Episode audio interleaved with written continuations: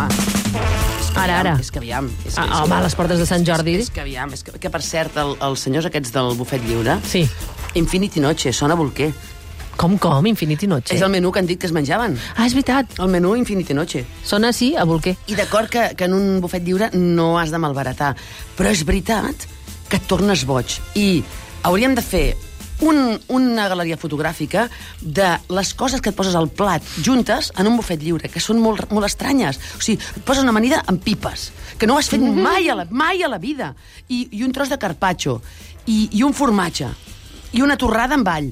Eh, Això al primer plat. I, i, i malbarates. I després no, no diguem res ja si és un d'aquests um, rotatoris que van donant voltes amb unes barques, que se't gira el coll i estàs nerviós i no parles i vols agafar tot primer i després ja te'n vas, ja, ja, ja, t'has cansat. I, I aquest era el truc dels bufets lliures. Però, nens, és Sant Jordi diumenge, Ai, quina il·lusió. jo ara sóc a Girona perquè avui a la Universitat de Girona fan una mena de mm, concurs de recitació en veu alta mm, eh, eh, emmarcada en els actes de Sant Jordi. Llavors els, els alumnes eh, de batxillerat trien un text que hagin llegit a, a, a, a literatura catalana o castellana i l'escenifiquen davant d'un jurat. Han, han enviat un vídeo prèviament. Això em fa pensar que es llegeix molt poc en veu alta, ja que som a les portes de Sant Jordi. Els adolescents no llegeixen gens en veu alta.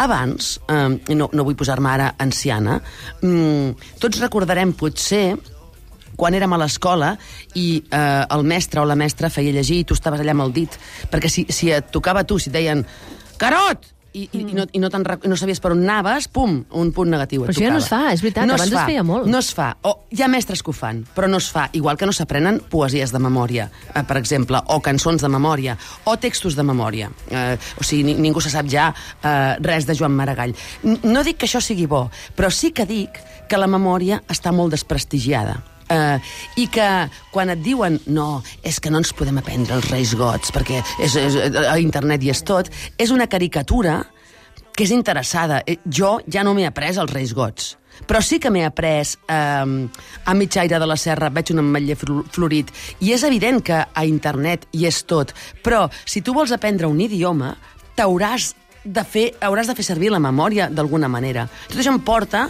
a que tant de bo demà di- diumenge vull dir, comprem llibres i algun d'aquests llibres el llegim en veu alta amb alguns amics o amb algun adolescent que tinguem al voltant.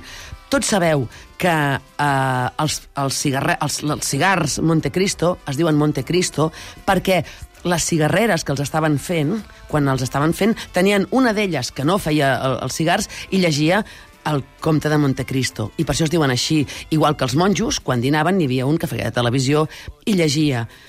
Moltes vegades veus una persona gran, un adolescent, que es posa a llegir i que no en sap en veu alta, no sap entonar, mm, ho fa massa exagerat o massa poc, té vergonya, però al mateix temps veus que quan porta cinc pàgines llegint, cansat, emprenyat, sense respirar bé, um, fent això tan, tan senzill que feu a la ràdio, que és llegir guions com si s'estiguessin dient, i que aquesta és la màgia que teniu a la ràdio, mm, n'aprèn de seguida. Una persona que llegeix, segur que al cap de 3 o 4 dies està connectant moltes més coses en el seu cervell. I això no és mentida. Per això quan diuen un lector és més llest, tenen tota la raó. Uh, el meu amic estimat, Emili Teixidor, deia que un lector també és més guapo. I també tenia raó, perquè la mirada intel·ligent eh, i, i la mirada del lector és una mirada intel·ligent, una mirada que està oberta al món, és més bonica. Eh, agafeu qualsevol cara de qualsevol persona que coneixeu i poseu-li uns ulls bòbits de vaca.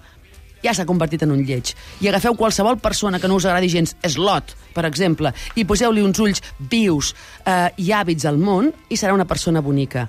Diumenge, esperem que no plogui o esperem que plogui. L'any passat va haver-hi una pedregada bestial. A mi em va tocar el Passeig de Gràcia amb el Califàtides, amb l'autor Califàtides. El meu llibre de tapadura i el seu no. Jo amb el meu vaig tapar el seu, ens vam refugiar i vam estar xerrant molta estona d'aquesta màgia, d'aquesta flipada. Ha de venir un estranger perquè et digui nena, això és molt fort.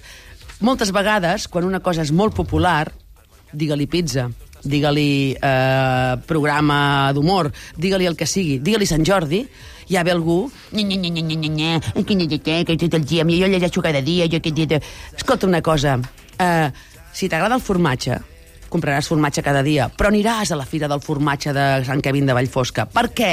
Perquè t'agrada trobar-te amb altres addictes com tu. Sant Jordi és un dia preciós. Jo hi aniré, aquest any sense novetat, però també és temps perquè els autors que tenen un, molts llibres doncs, també puguin firmar, però sobretot, sobretot perquè les novetats que han sortit aquest any, que n'hi ha moltes i precioses, i no, no, no, no us vull dir res, però tots els autors que coneixem, que han tret llibre, doncs tenen coses extraordinàries, perquè anem allà i els diguem gràcies pel que has fet, estic molt content, fem-nos un petó i un selfie. Clar que sí.